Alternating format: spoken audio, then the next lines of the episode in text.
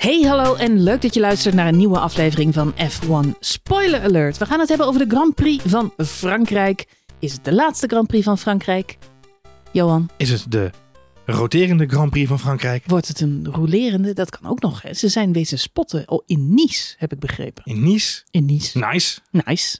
Ja, zo Eh, las ik ja, het. Ik las kan. het op een Engelse Formule 1 Ja, site. dat kan ook. Is dat met een hoofdletterstond? hè? Ja, het kan eh, prima. In Nice zouden ze een stratencircuit willen aanleggen. hier voorbij, hè. Nice kan, Nice kan, kan, Kan. kan, ook. kan, kan ook. Kan, kan ook. Kan, kan. Maar Nice is ook nice. Nice is ook nice. Ja, dus eh, nou ja, dat weten we volgend jaar pas. Het was in elk geval een afscheid van Paul Ricard. Waarschijnlijk, weten we nog niet honderd. Ah, hopelijk een voorlopig afscheid, Marlijn. Want ik heb net geïnvesteerd in een hele dosis 3D-brillen. Ik wou net zeggen, Ja, de Grand Prix komt tot leven. ik wou zeggen, ik heb gewoon geïnvesteerd in... Jij de- zag Charles Leclerc zo de huiskamer Nee, in de, track, de tracklimits komen op je afgevlogen. Die, die komen zo, die komen gewoon de woonkamer in. Het is een beetje die stoomtrein in 1900. Oh ja, sch- schok dat mensen gewoon gillend de bioscoopzaal uitrennen. Ja. Ja, Dat was Charles Leclerc de afgelopen weekend op circuit. ja dat is Ja. dan toch jammer dat we Paul Ricard volgend jaar moeten missen. Nou ja. ja. Ik heb toch een beetje nostalgische gevoelens voor de recente eh, luisteraars of de, de, de mensen De die, nieuwe eh, luisteraar. ja, die ons pas eh, sinds kort beluisteren. Maar wij- vier jaar geleden waren wij in Paul Ricard. Ja, dat de was return. toen ja, de eerste Ja. Grand Prix weer in Frankrijk. Wisten wij veel 3D-beelden niet Wisten wij meegenomen. veel. Nee. Het was één groot verkeersdrama. Dat is wat me het meest is bijgebleven. Ja, die nostalgie is doorgetrokken. Ja, was ook dit het was, jaar weer. eh, aan zich natuurlijk is het prachtig daar in het zonnige zuiden van Frankrijk. De heenweg naar het Grand Prix was aan zich nog wel te doen. Voor veel mensen was dat overigens ook een probleem. Er zijn mensen überhaupt nooit op het circuit aangekomen. dat is kan ja niet. Ja, klopt. Nee. Ja, ja. Die hebben de hele Grand Prix gemist. Eh, wij hadden vooral op de terugweg. We hebben vier, vier uur, geloof ik, vier of vijf uur op de Ja. parkeerplaats gestaan. Gewoon zonder beweging. Het was wel een leuke parkeerplaats. Er stonden allemaal Ferraris in het zand. ja, die kon ook niet weg vanwege de regen. Nee, daar kon niks of Want niemand het was weg. natuurlijk op het einde van de... Nou, ik, ik weet nog dat we daar aankwamen. Dat we met de Het zou de hele training... race... Ja, het zou vrije gaan... training was ja, het. Op zaterdag was het één grote hoosbui. Thunderclouds. Ja. Ja, en, en toen was het daarna was het 30 graden en eh nou ja, eh, brandde je weg op de tribune. Mhm. Op zondag tijdens de race ook. Maar toen was er een kans op regen. Nou, Mhm. geen regen gezien. Wij lopen daar eh, het circuit af na de race. Max Verstappen, tweede of derde geloof ik. Tweede, jaar. tweede. En nou, dus prima stemming. En we zitten net in de auto. Nou, echt een jongen. Ja. Niet normaal. Donder, bliksem, alles erop en eraan. Een half uurtje eerder was die Ja. race heel anders verlopen. Nou ja, dat. En dan hadden die Ferraris nog minder goed weggekund. Dus dat was een nog groter probleem geworden voor, eh, voor deze en gene. Maar, eh, nou ja, goed. Die stonden lekker vast inderdaad. Ja. Ja, nou ja, goed. Stonden ze nu wel. weer ja, waarschijnlijk. Ja, dat stonden ze nu weer. Ik, ik vond het is erg komisch, want je ziet het ook op de tv-beelden wel. Het is een beetje een, eh, een droog. eh, ja, goed, het zuiden van Frankrijk is natuurlijk ook droog, maar het doet een beetje woestijnachtig eh, aan, waar dat gebied ligt. Heel zanderig. Zanderig inderdaad. ja. Zanderig, een beetje rotsachtig. Nou, weet je wat is? Die situatie die zich daarvoor deed. Ik heb heel lang gedacht, als het zomaar niet in Zandvoort wordt. En als je dan afgelopen jaar Zandvoort meemaakt, wat Ja. voor zegen dat was. Mensen, wij wonen natuurlijk ook in de regio. Maar ik heb daar geen overtogen woord gehoord over verkeersproblemen. Eh de toegang naar het circuit is natuurlijk grotendeels wandelend eh, op grote afstand. Dat was zo'n ander verhaal dan we daar Paul Ricard hebben meegemaakt. En dit was gewoon eh, dit jaar weer een probleem. Ik zag eh menige verslaggever van Sky Sports en BBC, Jenny Gao, die je natuurlijk ook goed kent, stond ook knettervast. Die heeft gewoon echt drie uur in de file gestaan, weer het parkeerplaats af na de race. Nou ja, dat is eigenlijk hoort niet meer bij deze tijd. Dat is, dat is echt heel vreemd. Nee, en dat is wat, wat jij, jij omschrijft het nu, maar de infrastructuur is daar ook echt heel anders in Nederland. Het is eigenlijk nu best wel grappig dat we al die decennia hebben gezegd, Zandvoort is helemaal niet geschikt. Wij wonen, wat jij zegt, eh, zelf eh, vlakbij. Dus het is eh, inderdaad voor de Randstad een heel eh, druk stukje. Ja, Ja, het is een druk gebied. En inderdaad, er gaat maar één zeeweg richting Zandvoort. En dan kun je via Bloemendaal kun je nog weer terug. Er zijn maar twee wegen die kant op. Maar dat zijn wel eh tweebaans rechte wegen met daarbuiten nog een gigantisch eh, eh, fietspad. Ja. En wat ze dus slim gedaan hebben, is inderdaad gewoon de hele tent stilleggen voor, voor autovervoer. En iedereen gaat of met de fiets of met bussen. Ja, en de trein. Ja. En de trein, die gaat natuurlijk ook naar Zandvoort. Ja. Dus je komt er eigenlijk prima op je plek. En het is allemaal niet zo ingewikkeld. Heel anders is het daar in de Franse bergen. Waar je gewoon slingerweggetjes... En dan ineens sta je inderdaad eh, ja, op een soort een rots, vliegveld. Ja. rots, ja, een soort vliegveld, een soort rotsachtig parkeerterreintje eh, waar, de, waar de hagedisjes eh, wegschieten. Maar goed, daar komt dus inderdaad toet bekend Zuid-Frankrijk wel op af. Ja. Dus dat hele krakkemikkige parkeerterrein staat helemaal vol met, met Lambo's en Fer- Ferraris en Maseratis. Alles staat daar gewoon ja, en ons Mogen we, mogen we Paul Ricard... stond er ook bij. Ja. Ja, precies. mogen we Paul Ricard een reliquie uit de Ecclestone-tijd noemen? Nou, ja, nou, nou je het zegt. Ja? Ja, eigenlijk betreft, eh, ja. had hij eh, in, de, in de kast kunnen blijven staan als het de heer Ecclestone eh, had gelegen. Ja, het is natuurlijk, het, is, het circuit is mooi verbouwd. En als ik die letters zo zie, dat Paul Ricard en die, die hoofdtribune, dat ziet, ja, ik, ik krijg er wel een, Een vintage gevoel bij. een vintage gevoel. Ik vind de aankleding heel mooi. En ja, de strepen zijn... ehm, Hoofdpijn inducing. Ja? Ja, nou ja, ik moet ook steeds aan Amerika denken. Amerika heb je ook die strepen. Dus, en, da- en daar vind ik het minder erg op de een of andere manier. Het, het geeft ook wel een soort aankleding. Wat hier natuurlijk meespeelt bij Paul Ricard... is dat het ook qua track layout eh, een beetje lastig te volgen is voor de kijker. Het is een hele moeilijke baan om te herkennen. Omdat alles, ja, alles lijkt heel erg op elkaar. Die sommige strepen, tribunes zien er ook allemaal hetzelfde uit. ho- eigenlijk geen hoogteverschil, hè? Dat is ook een Nee, dingetje, ja. het, is, het, het is best een lastig circuit om in beeld te brengen. Dat zag je tijdens deze race ook weer eh, een, een paar keer. Dat er, dat er sommige stukken gewoon net niet goed eh, gecoverd waren. Die crash die, die Charles Leclerc maakt. Die is ook eh, op een gegeven moment. We hebben ze nog even moeten zoeken. Van kunnen we Ja. die eh, van de juiste angle wel, eh, Wel wel in beeld brengen? Ja, je, hebt een paar blind spots, heb ik ook de indruk op dit Nou ja, wat wel een voordeel was, ik weet niet of het jou ook is opgevallen, maar tijdens de race minder shots van het publiek dit keer. Ja. Dat is, eh, dat is fijn. Ja, Misschien omdat ze verder weg zaten. Zou kunnen. Kon de camera niet bij. Wat afstand. Ja, wat meer afstand. Of ze waren gewoon minder leuk. De regisseur heeft gewoon gezegd: die Fransen, Ja, die gaan we niet Daar gaan we niet aan beginnen. Nee. Volgend jaar komen we hier toch niet We meer. komen hier we toch niet meer terug. te We hoeven niet te zeggen best fans in the world. Alhoewel, Lewis zei het wel hè, na afloop. Uiteraard. Ik vond het wel mooi. Lewis zei na afloop van, eh, oh het is altijd zo geweldig. En de, de grootste turnout eh, sinds, Sinds ze terug zijn. sinds ze terug zijn. Ja. Blijkbaar heeft hij dat wel gezien. Dat er vollere tribunes zijn dan de Nou ja, afgelopen drie jaar. Zag ik wel. Ja. Nou, Sowieso prima. omdat het twee jaar corona is Prima. geweest. Daarna kreeg Ja. hij de vraag eh, van eh, David Coulthard, deed toch? De interviews. Ik zag een witte broek. Ja, David Coulthard. Ik zag die- een witte broek. Dat is het Coolhard alarm. Ja, als ik een witte Ik broek was zie. laatst in Amsterdam in de arena. Was een feestje. Nou, en ik, Helemaal voor ik denk, Coulthard. David Coulthard, daar is hij. Maar dat was niet zo. Nee. Nee, eh, David Coulthard deed de interview en die vroeg daarna aan Lewis Hamilton... heb je al zin in Hongarije? Waarop Lewis Hamilton echt keurig de switch maakt. Oh, Hungary, yes, best, best circuit, love the city, best fans. Ik denk, het is ook wel mooi dat hij in twee, twee interviewvragen gewoon eerst zegt... nou, hier in Frankrijk is het helemaal te gek, beste plek van de wereld. En hoe is het dan in Hongarije? Oh, dat is ook de beste plek van de wereld. Ja, maar dat is de aan-uitschakelaar die Lewis Hamilton Ja, is. hij, hij pakt in één keer door. Ja, maar dat is knap. Ja, Ik zou, ik zou daar serieus moeite... Ik heb tijdens deze podcast al moeite om te schakelen af en toe. nou ja, Laatst als als je... ik het- net 2,5 uur ja. in een bezweten auto heb gezeten zonder Ik drinkfles. vind het knap dat hij het eh, opbrengt. Het is, eh, het is heel knap. Wat mij wel opviel, maar dat is meer een, eh, vanuit het politieke aspect bekeken, dat hij het zo over Hongarije opnam. Dat zegt alles over zijn liefde voor het circuit. Want hij weet natuurlijk ook als geen ander dat de politieke situatie in Hongarije daar natuurlijk geen sinds reden voor, eh, voor juichen is eh, op dit moment. Eh, maar dat vind ik wel grappig. Dat, dan, dat is dan toch de liefde van de coureur die de, de, de voorrang krijgt op dat moment. Eh, en ja, laten we vooropstellen. Even los van de review van deze race die we nog moeten gaan opnemen, Marjolein. Eh, ik kijk ook wel uit naar Hongarije volgende week. Zeker met deze auto's. Korte baan, eigenlijk dat is in Oostenrijk. Kort baantje. Eh, de auto's kunnen goed volgen. Dus ja, dat, dat kan heel spectaculair worden. Ik krijg wel de indruk dat het hele Formule 1 circusje een beetje aan de vakantie toe is. Nou, en, en met hen, ik ook. Ja, maar Ja. dat is ja. Ja, nou, zeker na deze race. Het was natuurlijk bloedheet. ze hadden het zwaar hè? Ja, ik denk dat iedereen het eh, behoorlijk Ze waren had. weer net zo uitgeteld als naar Miami. Ja, En, eh, mag ik zeggen, in sommige gevallen volgens mij ook behoorlijk zagrijnig. Ik heb een paar boordradio's gehoord deze race. Ja, van een paar nogal verveelde mensen. Het Leave Me Alone. Ja, Eh, Lance Stroll, die deed ja, Kimi- Kimi ja, Classic. Ja, die deed Ja, Kimi, Classic. classics. Ja, Eh, we hebben Carlos Sainz horen voeteren. dat zou wel zich terecht zijn. Ik Ja. zeggen, dat, Ja. dat had ik waarschijnlijk ook gedaan in zijn positie. zijn positie ook. Misschien is het fijn als je strategie vertelt wat wel de straf is die je krijgt. In plaats Ja. van dat je een straf verzint. Ja. We hebben Max eh, ook niet heel veel horen zeggen. Die, eh, Nee, maar die had natuurlijk ook een vrij kalm race. Dus, dat, Ja. ja. ja, dus Ja. die had ook, ja, de, de enige com- communicatie die we van Max gehoord hebben is eigenlijk rondom de banden. Ja. Hij heeft het niet laten merken. En hij kreeg er geloof ik ook een, een interviewvraag over. Maar heeft hij, is hij niet op ingegaan. Maar vol- volgens mij ook wel een klein beetje teleurgesteld. Dat het echte gevecht op de baan deze race eh, weer is uitgebleven. Nou ja, ik denk dat hij heel goed, wat hij heel goed deed. eh, hij ontweek inderdaad de vraag van Coulthard naar de, naar de wedstrijd. Omdat hij zei van ja, voelt dit dan als een andere overwinning? En ik denk dat hij dat vindt. Eh, maar ja, dus, eh, psychologie van de koude grond. Ik denk dat hij dat vindt. Alleen, ehm, ik denk dat hij het gewoon niet zou... Ja, je wil het ook niet toegeven op dat moment. En eh, wat hij terecht zei is, we zijn blij met de punten die we halen. Uh, en je kunt ook niet zeggen, ik ben blij met de overwinning, want dat is ook weer onsympathiek. Ik vind het heel knap aan Max dat hij in de loop der jaren steeds beter is geworden in het vermijden van de vragen waarvan hij zelf al inschat dat daar een heel artikel over geschreven kan worden. Ja, ja en nee. Uh, hij heeft zo nog zijn momenten. Laatst natuurlijk de opmerking met Lewis Hamilton. En uh, dat hij nog uh, had kunnen leren op zijn 37e om de Apex te halen. Dat was een compliment.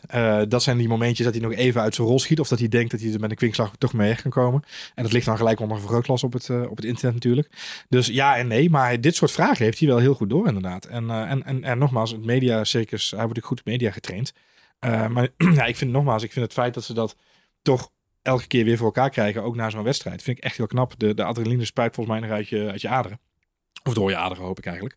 Um, dus ja, dat hij dan toch elke keer voor elkaar krijgt om toch de kant te bewaren en keurig antwoord te geven. Nou, hij heeft er ook geen, geen zin in. Ik denk ook dat hij, uh, hij heeft natuurlijk bijna vakantie. Jawel, maar weet je wat me ook eh, opviel? Maar dat ja. is even, sorry dat ik onderbreek, wat me opviel, en dat ik was nu jou het ook nog eens opgevallen, is um, uh, ik vraag me nog af in hoeverre die vragen zijn voorbereid. Omdat uh, Charles, die werd natuurlijk gevraagd door, David, door Johnny Herbert op zaterdag. Oh, kijk, zo'n leuke Franse fans. Kun je nog even in het Frans zeggen? En nou spreek ik niet veel vloeibaar Frans. Uh, maar wel genoeg om een croissantje te bestellen als het nodig is. Um, en ik, eigenlijk begreep ik direct dat um, uh, Charles Leclerc één op één het antwoord herhaalde van wat hij net in het Engels gegeven had. Dus het was alsof de vervolging dit antwoord was. Zo van, oké, ik heb het antwoord al gegeven. Nu nog even in het Frans eruit, hup, klaar. Ik heb echt het idee dat hij het gewoon voorbereid had. En ik vraag me dan wel af in hoeverre ze die vragen van tevoren al een beetje doorgestuurd krijgen bij alle teams. Zo, nou gaan we even kijken. Nee, dat is. Vroeger moesten coureurs altijd in hun eigen taal het interview doen. Oh, dat is lachen. Ja, in de jaren negentig was heel gebruikelijk. Eerst dat je in het, uh, in het Engels gaf je in, uh, uh, antwoord. En daarna mocht Schumacher, of later Vettel ook nog, die mochten gewoon in het Duits nog een heel verhaal afsteken. En uh, Mika mocht dan, uh, Hakkinen mocht dan in het uh, Fins. Dus ze krijgen wel op de persconferentie nog wel een vraag hè, hun eigen taal. Wat erg komisch was ja. trouwens, want in het Engels had Mika Hakkinen helemaal niks te melden. En in het Fins ging er dan ineens een waterval open. Ja. Inmiddels heeft hij zijn Engels een beetje buiten, bijgespijkerd. En, ja, maar, kun, je, kun je er wat meer uithalen. Maar toen hij nog zelf Formule 1 reed, was dat Maar in principe in het Fins zei zei hij ook maar drie zinnen hoor. Maar dat lijkt gewoon heel erg lang, omdat die Finse ja, die woorden, woorden gewoon die heel zijn lang gewoon heel lang. Dat is wel waar, ja. Fins woordenboek is geloof ik twee keer zo dik als een... Kimi Räikkönen is een man van weinig woorden. Dat klopt, maar als je met Fins hoort praten, is dat een ja, heel. Ineens, uh, ja, dat is wel waar. Maar goed, nee, ja, in, het, in de eigen taal. Nee, volgens mij uh, kunnen coureurs dat altijd wel. Max doet dat natuurlijk op Zandvoort uh, ook. Als, als je de vraag krijgt, ja. zeg even wat in je eigen taal. Nee, klopt. Het is altijd makkelijk. En... Nee, maar het leek een herhaling van wat ik denk dat je dan had. een, ja, maar goed. Ja, dat zal het ook wel zijn, ja, maar... Lekker makkelijk. Ik denk dat dat... Uh, dat dat de basic skills ja, is, uh, Johan. Die moet je wel, ja, voor Kimi zal het wat lastiger zijn geweest. Maar gelukkig is er nooit een Finse Grand Prix geweest. Heeft hij dat nooit hoeven doen. Nee, dat is waar inderdaad. Dat is waar. Dat scheelt. God, Goed. Kimi. Ja, ik mis Kimi ook. Maar die is hele andere, veel leukere dingen aan het doen dan in de Formule 1 rond te lopen. Tenminste, dat vindt hij zelf denk ik uh, zeker. Uh, Max was uh, politiek correct en ging ja. niet in op het feit of hij wel of niet ja, gefrustreerd was over het feit. Nou, gefrustreerd zal hij zeker niet geweest zijn. Hij won natuurlijk weer een prachtige race. Zijn teambaas Christian Horner was daar ietsje pietje uitgesprokener over. Ja. Die heeft na afloop in de media in elk geval nog verklaard dat hij toch wel 99% zeker uh, wist dat ze hoe dan ook deze race hadden gewonnen. Dat is denk ik toch wel het verhaal van deze wedstrijd. Want het was een, een, een rustige Franse Grand Prix, zoals we dat uh, kennen. En zoals misschien ook het beste paste bij de huidige temperaturen in, uh, in heel Europa. um, maar het verhaal van deze wedstrijd is natuurlijk wel Ferrari. Ferrari. Ferrari. En dan op meerdere fronten. We hebben de, het verhaal Charles Leclerc. Ja. We hebben de heer Carlos Sainz. Ja. En uh, ja, in de, in de bijrollen hebben we deze aflevering. Uh, die dronken strateeg. De dronken strateeg. Die ja. uh, komt zeker ook aan bod. Daar Oh, moeten ja. we het even over hebben. Um, ja, Max Verstappen vervult daar natuurlijk wel een rol in. Ik snap heel goed dat hij geen opmerkingen maakt. iets wat ook maar sprakmakend kan zijn. Dan is het weer een hele week nieuws. En niet alleen komt de vakantie eraan. Maar hij moet volgende week ook nog een wedstrijd rijden. En hij weet inmiddels hoe minder nieuws en PR en politiek geneuzel ik de komende week aan mijn fiets heb hangen, hoe beter ik me kan voorbereiden op die Grand Prix volgende week. Ja. Uh, nou weet ik dat hij sowieso de social media en het nieuws uh, daarover niet volgt. En ik geef hem daar groot gelijk in. Um, maar het zal allicht helpen dat hij gewoon niet dat hele spel uh, opzoekt met hè, maakt Leclerc nou een fout? Ligt het nu aan Ferrari? was de titelstrijd niet spannender geworden als je zij en zij had kunnen strijden om plek 1 en 2. Het zijn Ja. allemaal geen uitspraken, vind ik, eh, voor Max om nu in dit stadium te doen. Je kunt alleen maar zeggen, ik baal voor hem. En ik vind het heel vervelend. Eh, dat pakt hij goed aan. Ehm, maar even terug naar de strategie op de baan. Ja. Eh, wat zien wij in deze race? Want we zien een Charles Leclerc op zaterdag die ontketend is. En natuurlijk ook een klein strategisch opzetje van zijn team Een klein, krijgt. een klein tootje. We weten allemaal, Carlos Sainz moest achteraan starten. Dat was dan weer het gevolg van eh, ja, De barbecue in Oostenrijk. de barbecue in Oostenrijk, Ja. waar hij zijn auto eh, helaas eh, heeft moeten achterlaten. Ja. Nou, in elk geval een goede motor. Dus hij had, had een aantal ja, technische aanpassingen. Moest daardoor achteraan starten. Kon in de derde kwalificatieronde Mhm. een toog geven aan zijn teamgenoot. Nou, dat scheelde zeker drie tienden. Eh, maar ik denk dat het ook zonder die toon nog best lastig was geweest voor Max Verstappen om, eh, Ja. om een eh, pole position eruit Ja, te het, slepen. het scheelde uiteindelijk drie tienden inderdaad hè, op de, op de, op de poltijd. Eh Max gaf na afloop ook aan dat de toe waarschijnlijk niet die volledige drie tiende was. Charles dacht dat het ergens rond de, de twee tiende zou zitten inderdaad. Maar inderdaad zonder die toe ja, had Charles Leclerc Het denk is maar ik een heel ook kort stukje. Hè? Het is maar een heel kort stukje. En Ja. ik denk eigenlijk dat hij ook wel de beste papier had. Met name omdat Max in die laatste ronde ook niet verbeterde. Dus ehm, eh, Charles had ook wel echt onder die, eh, onder die tijd van, eh, van Verstappen. Dus nee, ja, het is gewoon echt langzaam maar zeker wordt duidelijk. En dit weten we allemaal. Charles Leclerc is net als Max Verstappen. Iemand die in staat is om het maximale en nog een beetje extra uit de machine te halen. Ehm, en we hebben dat altijd bij Max Verstappen geprezen bij Red Bull. Ik denk dat Max dat ook echt elk jaar weer laat zien bij Red Bull. Dat hij net iets meer kan met die auto dan zijn teamgenoot. Ehm, maar laten we alsjeblieft ook gewoon toegeven dat Charles Leclerc dat dit jaar ook laat zien. En zeker op zaterdag in die kwalificatie.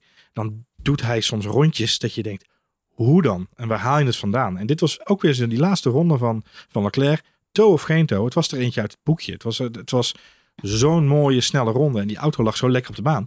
Ik denk als dit nog tien jaar zo doorgaat tussen deze twee coureurs, dat je over tien jaar eh, Charles Leclerc best wel eens degene zou kunnen zijn met meer pole positions dan Max Verstappen.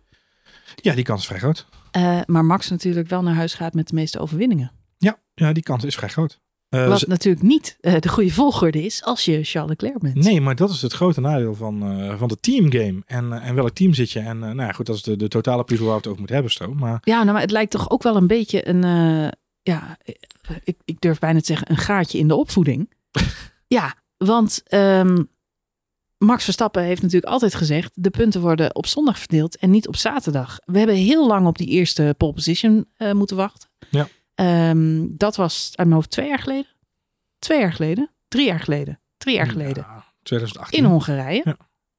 2019. uit mijn hoofd. Oké. 2019, Hongarije. Mhm. Ehm, dus dat is nog vrij eh, recent. Charles Leclerc, eh, zo gauw hij in een competitieve auto zat, had hij hem eh, vrij snel te pakken. Ehm, maar ja, de vraag is, waar liggen je prioriteiten? Is, is, is een snelle ronde op zaterdag rijden het allerbelangrijkste? We hebben wel vaker echt kwalificatietijgers gehad in, Mhm. in, de, in de Formule 1.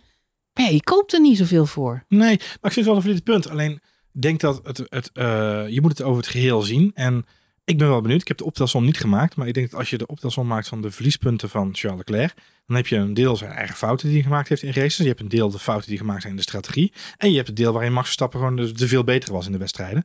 Ehm, ik denk dat als Charles Leclerc in dezelfde auto zit als Max Verstappen. En dan gaan we de Lewis Hamilton Max Verstappen discussie voeren. Alleen dan met Charles Leclerc en Max Verstappen.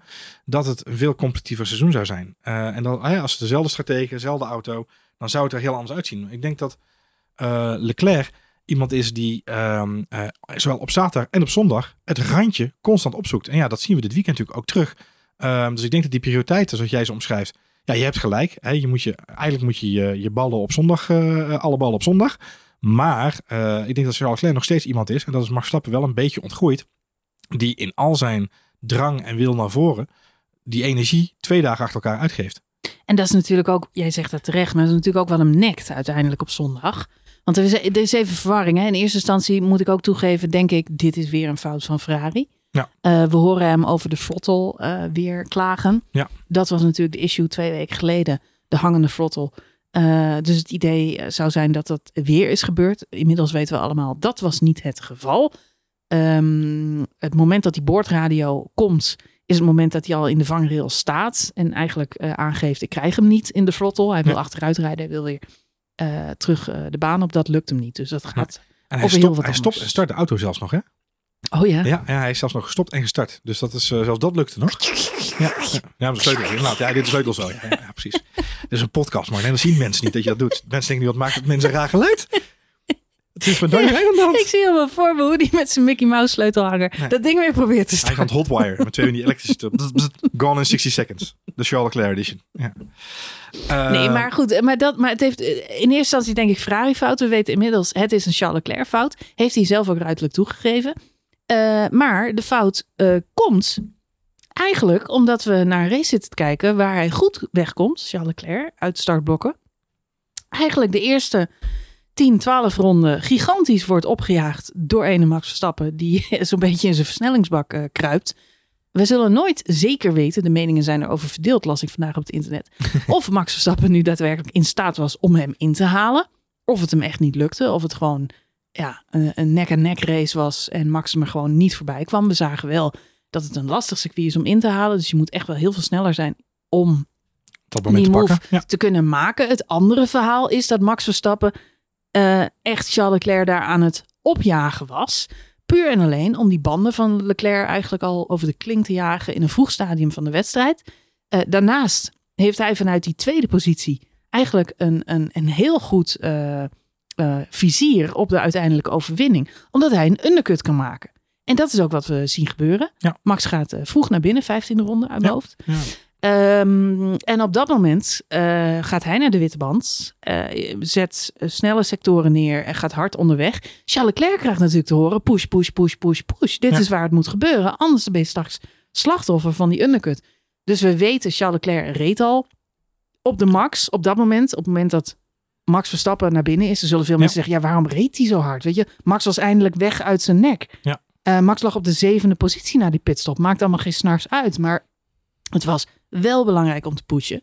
Omdat Max op die nieuwe banden veel en veel sneller was. Dus hij zat juist op de limiet. Ja, op het moment van de, van de crash, dat, eh, dat Leclerc eh, crasht, zat hij net aan pit Windows safe. Dan zou die, hè, dus het zou net nek aan nek zijn geweest, net voor of net na Verstappen naar buiten komen. Eh, op dat moment is natuurlijk eh, het moment dat hij natuurlijk eh, de auto verliest in, eh, in die snelle bocht. Ehm, maar het was, ja, de, vraag is, was de tactiek van Red Bull om hem in te halen in die eerste tien rondes, om het zo maar even te zeggen? Ehm, ik, ik neig om te zeggen van niet. Met name omdat Red Bull altijd op een andere strategie heeft gezeten. Dat zagen we ook terug in de banden die ze gespaard hadden. Eh, Red Bull zat op een hele andere strategie in den beginnen. Dus ik heb heel lang het idee gehad dat Max alleen maar inderdaad al het jagen was om die banden te jagen. Zorgen dat Leclerc niet kon aanzetten om die undercut op te vangen. Die undercut was heel machtig vanwege die hele lange pitstraat. Ehm, ja, dan uiteindelijk eh, pakt het dan zo uit. Ja, dat had Red Bull ook niet kunnen bevatten natuurlijk. Ehm, maar de vraag is eigenlijk wel, en dat is ook als ik Carlos Sainz aan het einde van de race zie, had Max genoeg marge kunnen pakken bij die eerste stop al? Eh, want ik denk dat het dan misschien wel op een twee stoppen was aangekomen als Leclerc er wel bij was gebleven, omdat ze dan alle twee vol gas hadden moeten blijven geven. Ehm, of Max dan genoeg had gehad in de tank om Leclerc ook lang genoeg achter hem te houden. Want ik moet zeggen, eh, Carlos Sainz heeft laten zien dat die Ferrari er heel goed bij zat dit weekend. Sterker nog, ik denk dat ze een heel, ja, misschien wel de snelste auto hadden. Ik denk dat Ferrari nu al drie wedstrijden op rij de snelste auto heeft. Ja. En eh, daar niet op kapitaliseren. Hoe kan het, Johan, dat Nou. een team met de snelste auto en twee bloedsnelle coureurs zo ver achter staat inmiddels in zowel de kampioenstrijd als de constructeurs? Ja, ik denk dat er twee dingen illustratief zijn deze week. Eén is ehm, de situatie met, eh, met Charles Leclerc. Hè, de persoonlijke fout van, van Charles Leclerc. Ook hoe hij daarmee omgaat. Die hand gaat gelijk aan eigen boezem. Overigens, alle respect daarvoor. Hè, goed gedaan. Ehm, maar we zien ook in deze race Carlos Sainz. Die strategisch bezien eh, naar een podium aan het rijden is. Maar dan met zijn strateeg in discussies komt. Waarbij je denkt, jongens, dit is een Formule 1 wedstrijd. Geen bridgeclubje. Nou, het is de zoveelste keer dat ik, eh, dat ik iemand zie eh, waarvan ik niet eens goed weet hoe die eruit ziet. De, de, zeg maar het mannetje op de radio bij Ferrari. het mannetje, oh man. Maar daadwerkelijk de nek om wil draaien.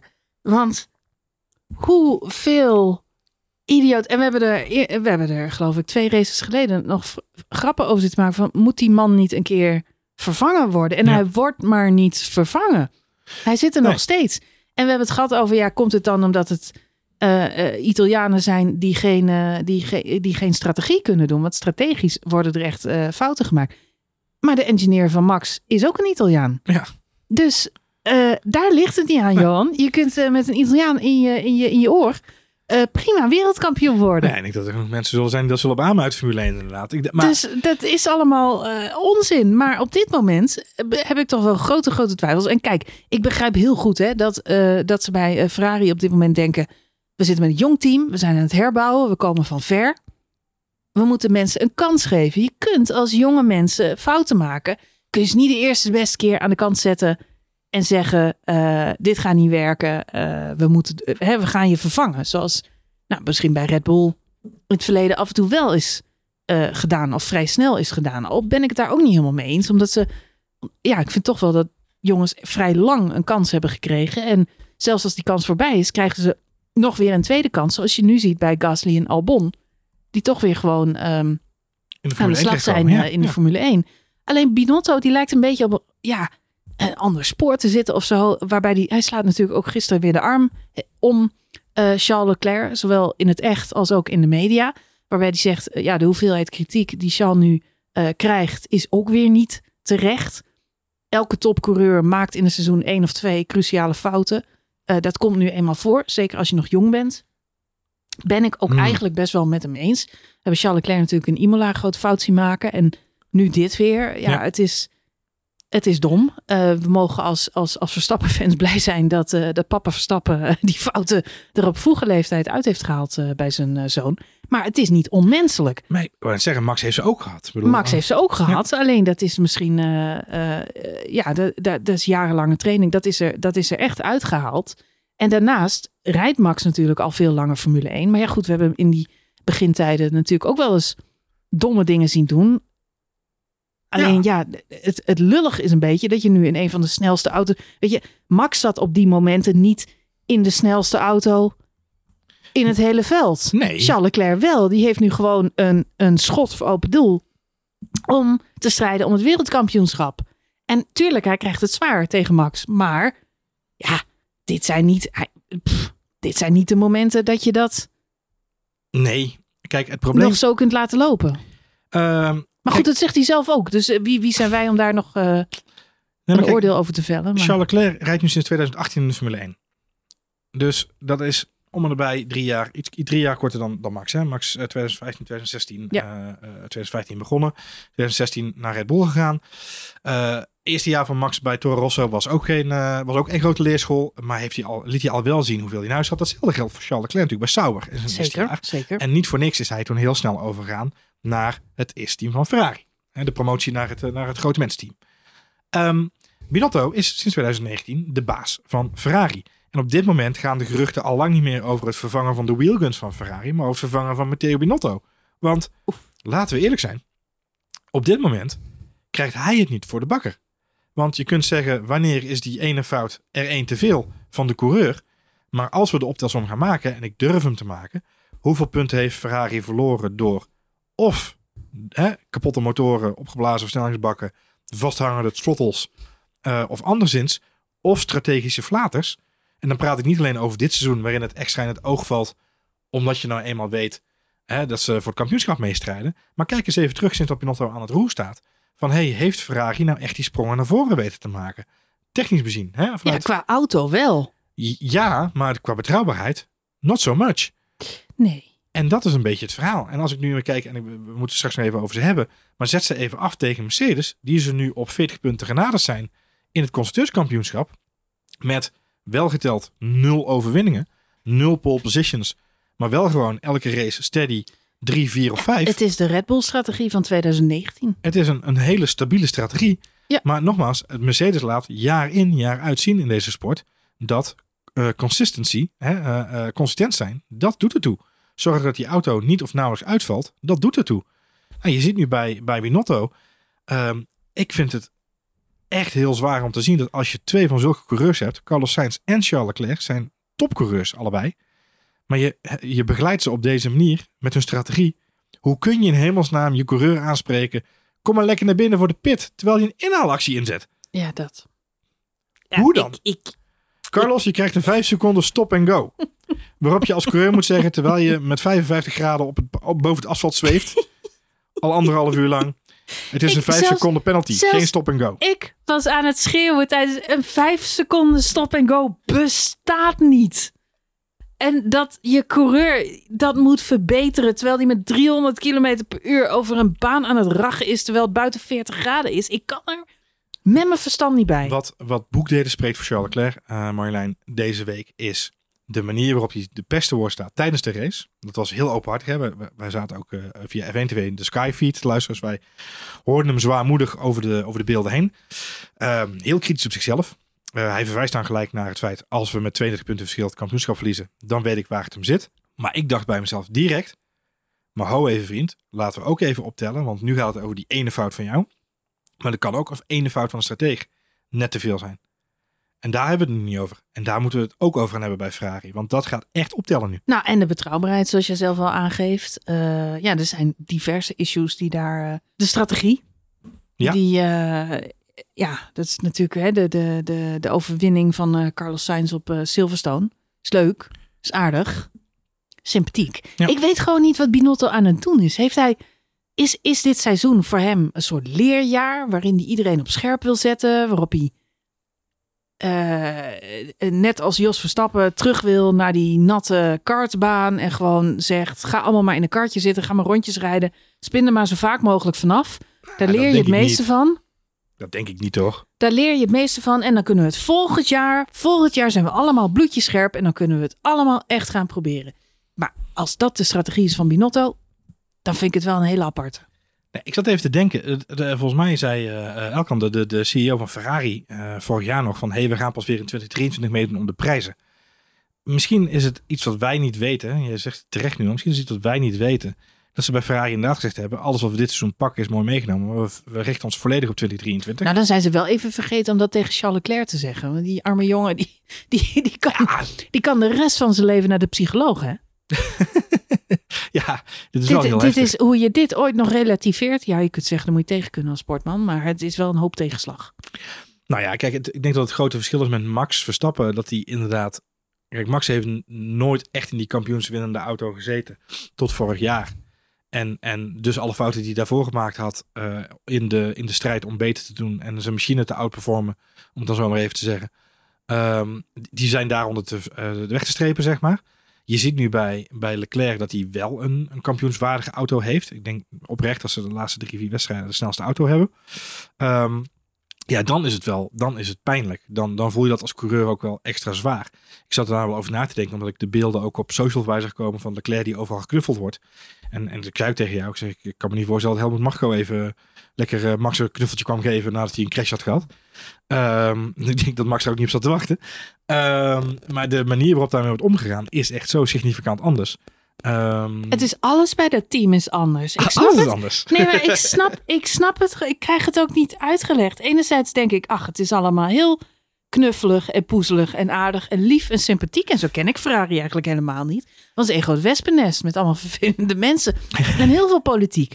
Maar, ehm, dus het is vreemd, want bij Mercedes irriteer ik me ook dood. Toto Wolff was ineens weer in het vizier, deze race. Nou, vooral in de, in de audio. eh, Ik had hem niet in gemist, oor. Ja. moet ik eerlijk toegeven. Maar hij was er ineens weer. Ja. Want zijn eh, nieuwe protégé moet natuurlijk niet aan Russell of Hamilton komen. Want als je aan Russell of Hamilton komt, dan kom je aan de grote Toto himself. Ja. Dus kijk uit wat je zegt, maar kom nooit aan zijn jongens. Ehm, Klinkt als een hele rare eh, introductie van een maffiafilm ook dit. Maar dat ja, is nee, maar zo is het toch. Ja. Zo gaan we er... eh, ik heb Michael daar ook Massey weer... now sleeps with the fishes. Ja, precies. Nee, nou, heb jij nog iets van Michael Massey gehoord, Johan? Nee. Weet iemand waar Michael Massey is? Ik heb hem wel een e-mail gestuurd. Maar Ik zie tegenwoordig trouwens steeds meer mensen met een t-shirt Michael Massey terug. En volgens mij de coureurs zelf ook. Want die rolerende wedstrijdleiding, dat is natuurlijk ook een grap, hè? Dat zou een statement zijn van Max Verstappen. Als hij bij de volgende wedstrijd erbij komt met geen Met een Michael. Michael Massey Free Michael Massey. Free Massey. Ja, nou, hij is, ja, ik, eh, ik heb er niks niet. meer van gehoord. Nee. Ik Nou heb er niks meer van gehoord. Nee. Waar Nou. zou die zijn? Hmm. Heeft iemand hem al opgezocht? op Twitter? Hashtag passie voor Massey.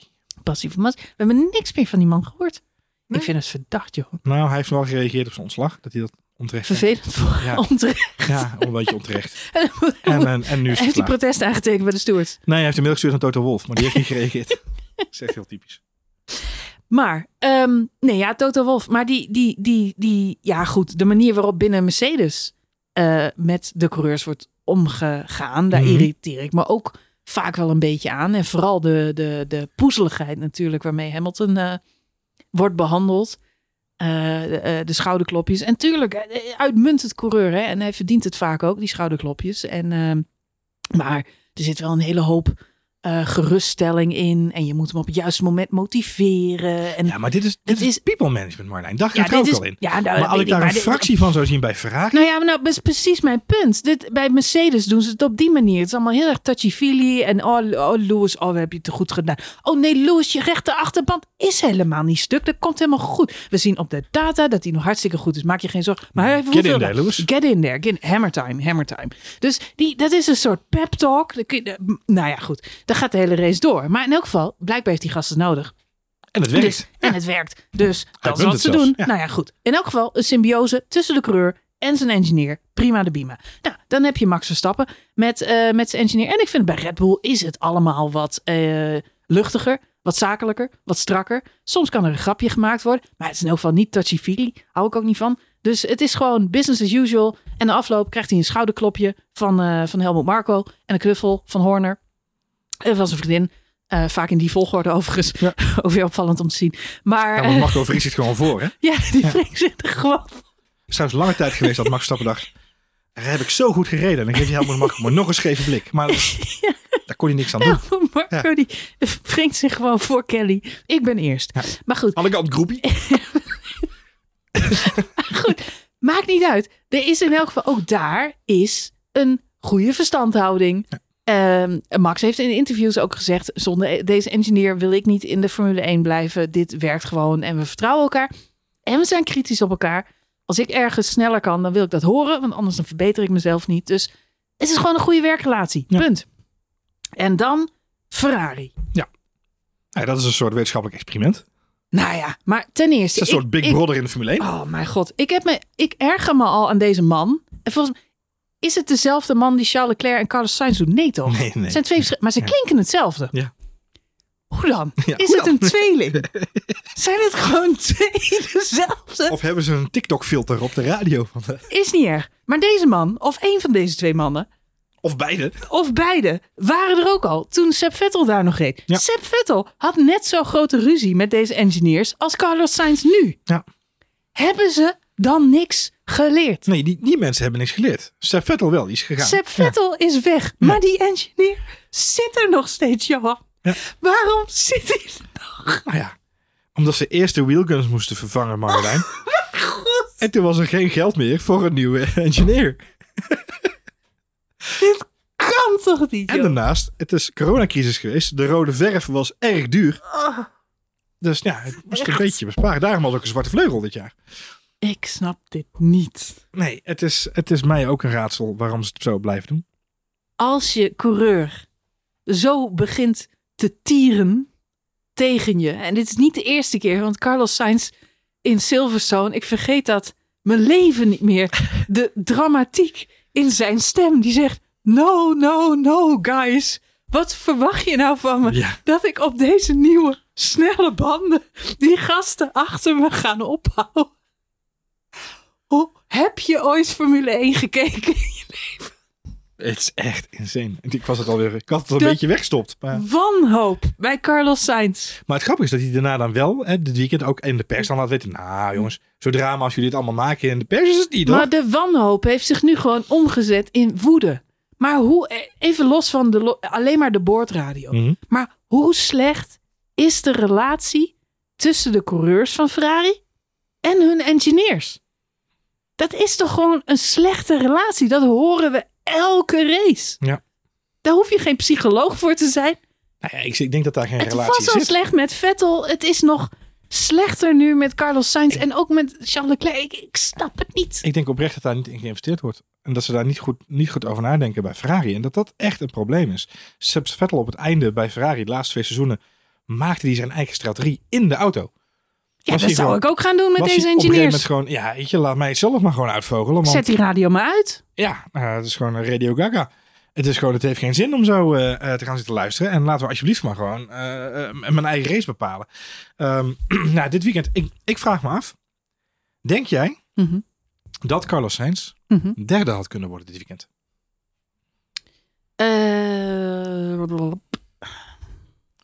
Oh, je moet wel lang denken. ja, er, kijk, ergens. Oh, hij is veel makkelijker. Je zit heel diep na te denken. Ja, ik zit ook heel diep na te denken, omdat die hij reed op gele banden. Die waren slecht. Eh, Charles Leclerc vloog eraf op oude gele banden. Dus ik denk dat hij hoe dan ook had moeten pitten. En hij was en toen kwam die- razendsnel. Toen kwam die virtual safety car. Drie ronden lang.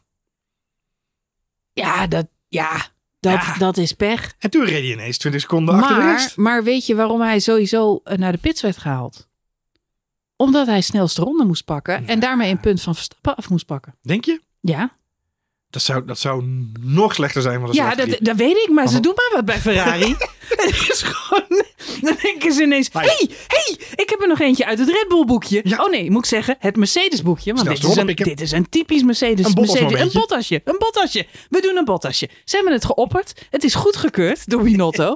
Toen is hij op de boordrijding gekomen. En heeft gezegd, pit, pit. Hij heeft ook niet meer op de monitor gekeken, want hij had het totaal niet in de gaten.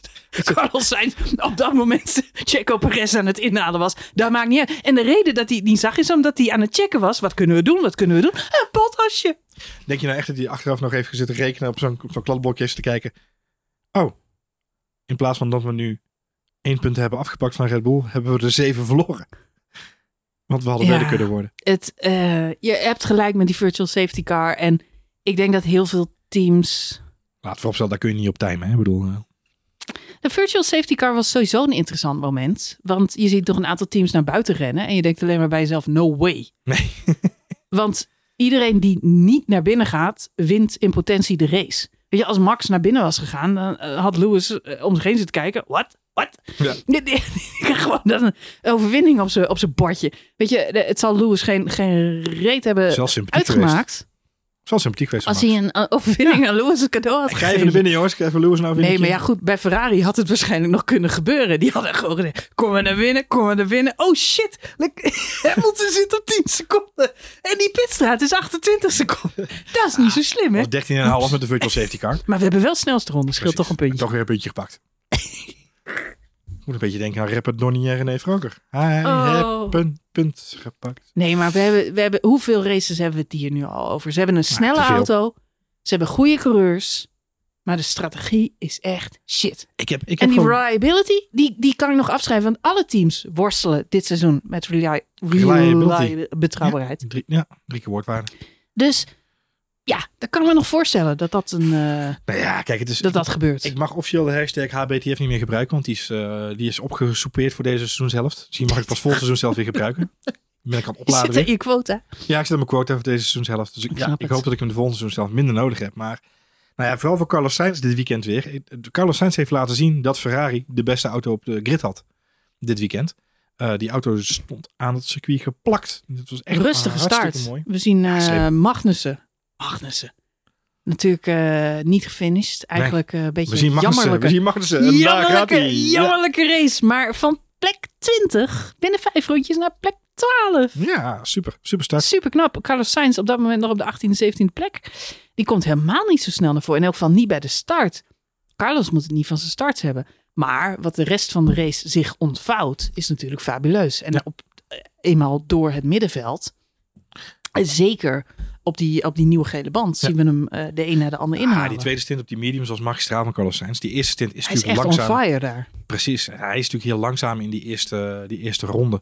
Hij zou ook Eh, gedacht hebben, hij niet crashen, niet crashen. Nou ja, en die harde band natuurlijk gewoon eh, masseren. Hè? Ja. Want hij moet er lang op door. Hij moet een lange stint rijden. Ehm, Hij was eigenlijk een beetje de, de Sjaak, mag ik zeggen, door die vroege safety car. hij was de Charles. Hij was de show. Want die vroeg safety car is natuurlijk... De safety car is het moment om te stoppen. Want inderdaad, lange pitstraat in Paul Ricard, 28 seconden, kost het je sowieso. Dus Ja. een pitstop is duur, zullen we maar zeggen. Kost duur. kost duur. Dus als er een eh, safety car is, ja, dan maak je je pitstop. Was balen voor Max Verstappen trouwens. Die was net geweest. Maar goed, die zat op die undercut. En Charles Leclerc was net uitgevallen. Dus daar kwam allemaal wel goed. Ja. Eh, maar goed, de rest gaat natuurlijk allemaal naar binnen. Maar voor Carlos Sainz was het eigenlijk te vroeg. Klopt, moet anders doorrijden. Was het later geweest, had had hij nog een voordeel mee gehad? uit kunnen rijden, had hij een derde plek gepakt. Dan had hij het zeker gepakt. Nu denk ik dat het eh, niet alleen eh, dat puntje weghalen was. Ik denk dat dat een wel een belangrijke reden. Binotto heeft ook in een interview nog gezegd. Puntje wegpakken voor de snelste ronde was, telde wel mee. Maar ze waren daadwerkelijk ook bang dat hij eh, er vanaf zou vliegen. Ja, ja. ik weet het niet. Ik had misschien het risico toch genomen. Nou, nou ja, ik zal, je kunt Wat voor virtual nog safety car. Ja, maar je kunt voor virtual safety car niet timen. En, Constructeurs lijkt mijlen ver weg voor ze. Op dit moment Was wel. het niet beter geweest om Carlos Sainz toch gewoon te proberen op die oude bandjes op dat podium te krijgen? Ik snap het. Waarom dan ineens toch dat safety voor alles op het laatst? Zeker omdat je weet dat je directe concurrent twee auto's voor je gaat zetten. Hè? Je weet dat je daarmee Russell en Hamilton eh, naar 2 en 3 of 3 en 4 helpt. Uh, dus je weet dat je ze alle twee voor je te dulden hebt dan. En terwijl je er toch vooruit. Ik denk dat ik het risico toch genomen had. Carlos had laten rijden. Ik denk dat ik het ook gedaan had. Carlos Sainz had het denk ik zelf ook liever gedaan. Eh, gaf hij na afloop ook toe. Dus ik denk dat het een... Eh, een, eigenlijk dat hij zelf zou doorrijden. Maar hij kwam uiteindelijk toch wel binnen. Ik denk dat hij dan toch bang is. Zelf ook bang is geweest dat ze banden het niet zouden houden. Nou nee, dat zou kunnen inderdaad. Hey, Carlos Sainz was natuurlijk zaterdag ook al echt on fire. En dit keer niet letterlijk zoals in, in Oostenrijk. Maar zijn Q2-tijd eh, was eh, volgens mij nog sneller dan de Q3-tijd van, uh, van Charles Leclerc dus zonder toe. Moet ik even nog terugzoeken. Maar volgens mij was zijn Q2-tijd insane snel.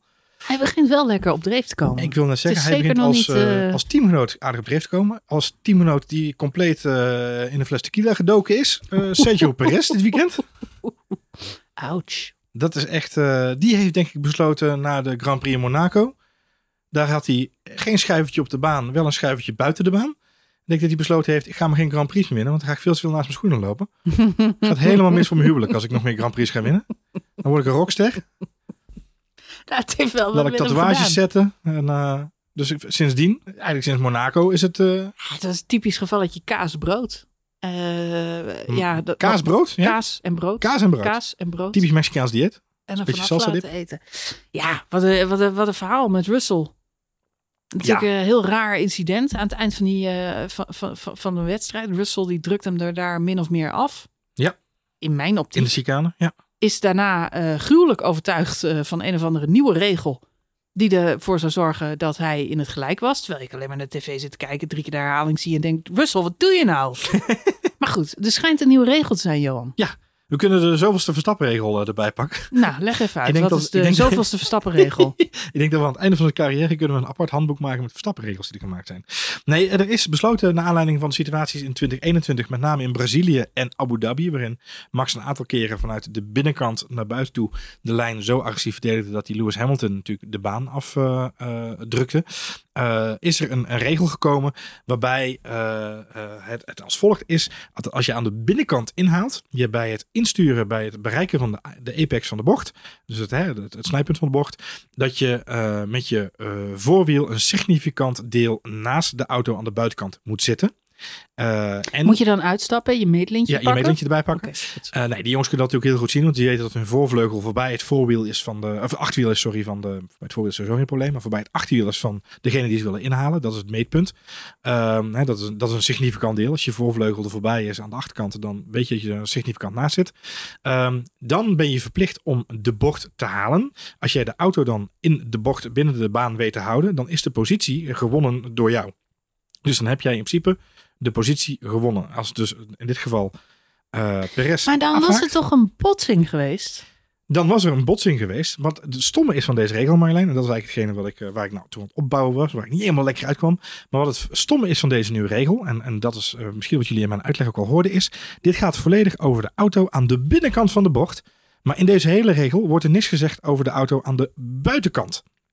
Met andere woorden, de regel zoals die nu in het regelboekje staat, dus pleit in principe coureurs vrij om de auto aan de buitenkant de baan af te drukken. Of te dwingen in een, in een collision, in een ongeluk. Nou ja. Het is een hele bizarre regel, maar George Russell had gelijk. Ja, maar op basis van een ridicule regel. De ridicule regel van de FIA. Ja. Nou, daar de kunnen we een boekje de van maken. ridicule regel van Russell. Het is, eh, ja, ik begin me een beetje te ergeren aan Russell. Ik vind dit toch een, eh, een vervelend eh, maniertje om dan je gelijk te krijgen. Ik ben het er ook totaal niet mee eens. Ja, nee, kijk, ik vind, ik vind eh, het feit dat Russell ermee loopt, eh, eh, mee loopt hij krijgt ook van Toto Wolff te horen, hè, van hij- nu is het genoeg geweest, focus je op de race en met die banaan. Zou je nou zeggen van HR? Nee, ja, van HR inderdaad, ja. ja. Tot Hallo. Van HR. Hallo George, dit is de HR-manager. ik wil even je, Kan zijn ik wil dat even je, nieuwe functie ik wil even je bila starten. Ik hoorde net bij Ferrari dat ze de pits doen. eh, Hij moet meer zijn poot stijf houden. Dat is wat hij goed te horen heeft gekregen in zijn laatste... eh, Nee, nee, nee. Kijk, Toto Vos zegt deze race ook gewoon van... eh. nou, George, hou even op met zeiken en ga gewoon even racen. Want je hebt nog genoeg kans om hem te pakken. Ja. En dat doet hij uiteindelijk natuurlijk ook. Eh, maar in principe, kijk, dat George Russell die regel gewoon goed kent. Dat is niet verrassend als voorzitter van de Drivers Association. Want Oh, misschien heeft hij hem zelf al bedacht. Nee, dat heeft hij Oh. niet. Maar hij was natuurlijk wel... Hij is wel degene die dat soort dingetjes Goedkeurt. goedkeurt en, en meeleest. En, en eh, nou, ja, hij heeft de powerpoints doorgenomen waarschijnlijk. Dus oh, de letters van de wet hoor, Ik- daar zijn ze. nou ja, kijk, je kunt het niet kwalijk nemen dat je ze weet. En eh, er is volgende keer dat er eh, bij Perez of Verstappen zoiets gebeurt, dan zullen ze dit ook roepen. Eh, het enige wat je wel kunt zeggen is dat het natuurlijk gewoon een insane regel is. Dat er niks in die regel staat over de auto aan de buitenkant. Want wat had Perez hier moeten doen? Ja. Perez kan de bocht niet opgeven, want die Nee. zit ook in de bocht. Ja. Dus het enige wat hij kan is uitwijken en de chicane ontwijken. Ja, dan had hij dus de plek moeten Rare opgeven. move. Ik vind het maar een raar verhaal. We zien eh, Russell nu al een paar races lang eh, in tikkies met collega's verzeild raken. En hij, hij heeft er ook wel een aantal keer straf voor gekregen de afgelopen keren. Jawel, ja, goed, hij heeft een, eh, eh, eh, hij heeft niet de meest lekkere eh, seizoenshelft te pakken, zullen we maar even zeggen. Nou ja, Ehm, nu weer wel in de zin van hij, hij pakt natuurlijk mooi derde plek uiteindelijk. En ja, goed, laten we maar zeggen dat dat verdiend is. Er is een herstart na die virtual safety car. En als ik het goed heb begrepen, waren er mixed signals over de boordradio. Ja, klopt inderdaad. En er waren twee verschillende boordradio's vanuit de race control. Bij de coureurs te horen gekregen. Eh, bij bocht, geloof ik, 9. Eh eindigde de safety car. En vervolgens was het bij bocht 13 eindigde de safety car. Ah. In die miscommunicatie. We zagen ook George Russell op een gegeven moment heel hard al gas geven. Eh, eh, Het was een raar momentje, want je ziet, het lijkt alsof Checo Perez zit te slapen. ja, klopt. En op het moment dat de baan weer vrij wordt gegeven, steekt Russell er gewoon voorbij. Ja, hij had dus op dat moment niet door dat er alweer geraced mocht worden. Dus hij had een- het, signaal en niet Russell goed is gewoon gegaan. Ja, Russell heeft, zoals we hem kennen, bij de, wetten van, bij de letter van de wet, goed gereageerd op de herstart. Ja, dus die kon hem zo naast zetten en voorbij rijden. En Perez, die dacht bocht 9, bo- bocht 13, wat is het nou? Maar als ik te vroeg ga, dan krijg ik een penalty, dus Ja. dat moet ik niet doen. Nee, Dus ik wacht op wegen. bocht 13. Maar ja, Dan ga je met je goed gedrag. ja, nou ja, oké, goed. Wat jammer is, want daarna eh, zit hij er nog, eh, nog dicht op. Nog dicht op, ja. Het lijkt nog even alsof hij, me- terwijl hij toch eh, behoorlijk versleten banden had. Ja. Maar het feit dat hij hem dan nog zo lekker kan bijhouden, betekent dat hij het eh, waarschijnlijk wel had volgehouden om hem achter hem te houden. Ja, maar laten we Maar eerlijk goed, zijn, laten we eerlijk zijn Marjolein. Dit was niet het weekend van Sergio Perez. Dit was zeker niet het eh, Niet in quali, niet in de race. Nee. Als je ziet dat Max Verstappen eigenlijk met relatief eenvoud eh, Lewis Hamilton op een 9, 10 seconden rijdt.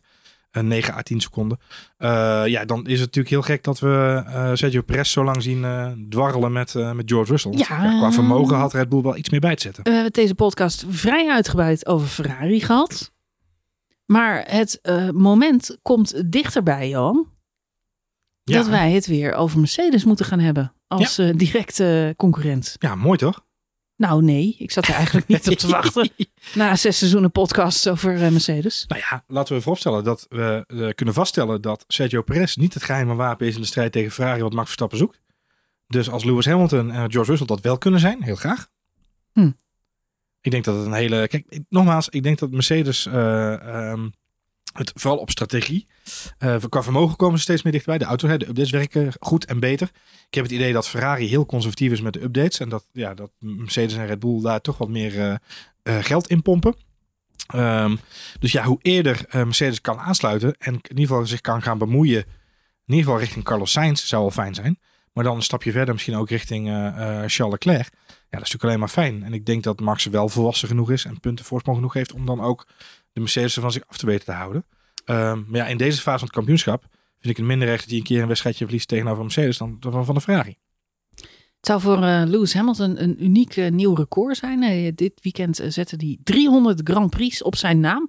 Waarvan hij geloof ik meer dan de helft van al die Grand Prix ook nog eens op een podium heeft gestaan. Dat is Ja, ook een unieke Insane, stad. Ja. Er is nog maar één coureur die hem dat eh, beter af heeft gedaan. Dat is Van Joe zelf.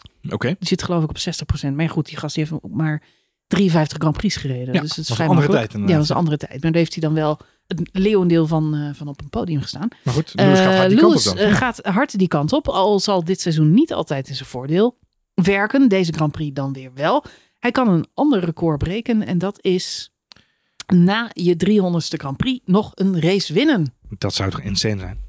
Nou, nee, Ja. dit zou niet insane Nee, zijn. Want het Lewis Hamilton heeft elk record Het wat ik ken in- ik het de Formule 1 gebroken. Dus het doet me allemaal niet Nee, meer maar zoveel. het is niet maar het zou zeker... eh, weet je wie dat record ook nog kan breken? Nou, Fernando Alonso. ja. Hoeveel zijn zit Fernando Alonso nu? Nou, meer dan Lewis Hamilton, Zit denk die ook al op de 300? Ja, het Ja, die zat daar 300. ver, want Ja. Kimi was degene die de meeste Grand Prix op zijn naam had staan. Ja, dat klopt inderdaad. Ja, en volgens mij gaat 347.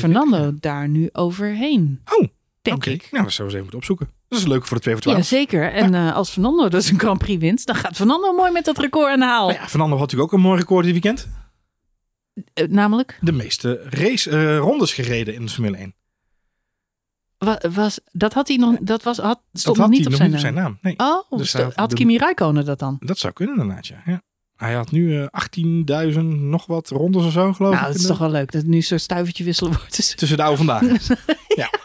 de boomers in de Formule 1. Een soort bridge boomer. eh, ja, boomer bridge. Ach, ach, laten we die arme Fernando niet vergeten. Mr. El Plan. Mr. El Plan pakt gewoon weer een zesde plek. Rijdt een duik van de wedstrijd, een duik van de kwalificatie. Ah, Marjolein. In Ah. mijn boek komt het moment van deze race 100% zeker weten terug in de Formule 1. Ja, clip. Hmm. Alhoewel daar nooit echt audiofragmenten in zitten. Nee. Maar het moment van de boordradio van Fernando Alonso. Wanneer zijn engineer over de boordradio komt zegt... Fernando, laatste ronde, 237X. Opletten, want je hebt Norris in de DRS. Waarop Alonso zegt... Yes, that's fine. I like it that way. I want them in my DRS so I can kill their tires. I want him close. I want him close. I want him close. close Met als me. enige reden ophouden, banden eraan gort rijden en zorgen dat Ocon erbij kan komen. Het is zo'n magistraal, echt tof ding in, de, zo- in zo'n zo'n klein momentje in de race dat ik denk, ah, Ah, het is een stratege op wielen. En dat, dat maakt hem zo sterk. Hij is niet alleen bloedje, bloedje snel. Ik blijf dat zeggen. Je kunt zeggen, ja, hij wordt maar vijf. Eh, Laat die gast toch gaan. Maar kijk af en toe eens naar gewoon zijn sectortijden. Kijk naar, na het weekend. Er zijn allerlei sites waarop alle statistieken te vinden zijn. Daarin kun je onder andere de topsnelheid eh, vinden. cornering Eh, speed. Ja. Dat soort dingen. Eh, Fernando Alonso staat stevast in de top drie. En ook zijn throttle use, hè, dus hoe snel die je gas krijgt en zo. Hij, hij, Het gaat, is insane. hij doet gewoon mee Als met Leclerc en Verstappen. Hoor. Ja, als je op de limiet rijden, als je Alonso op dit moment in die Ferrari zou zetten, eh, dan, zouden ze, eh, dan zou die wereldkampioen worden. nee, dat durf ik wel te zeggen. Zet Fernando nu in die Ferrari, zou die wereldkampioen worden. Met zoveel ervaring, ja. Ja. Ja.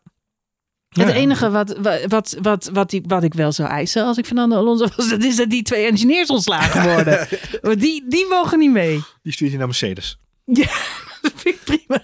Dat wordt gewoon, het- Of hij gaat elk weekend naar een ander team. Gewoon om te kijken hoe je het ermee het volhoudt. is gewoon een nieuwe regel vanaf volgend jaar in de Formule 1. De twee slechts performende teams krijgen de, krijgen de, krijgen de engineers van de twee best performende teams.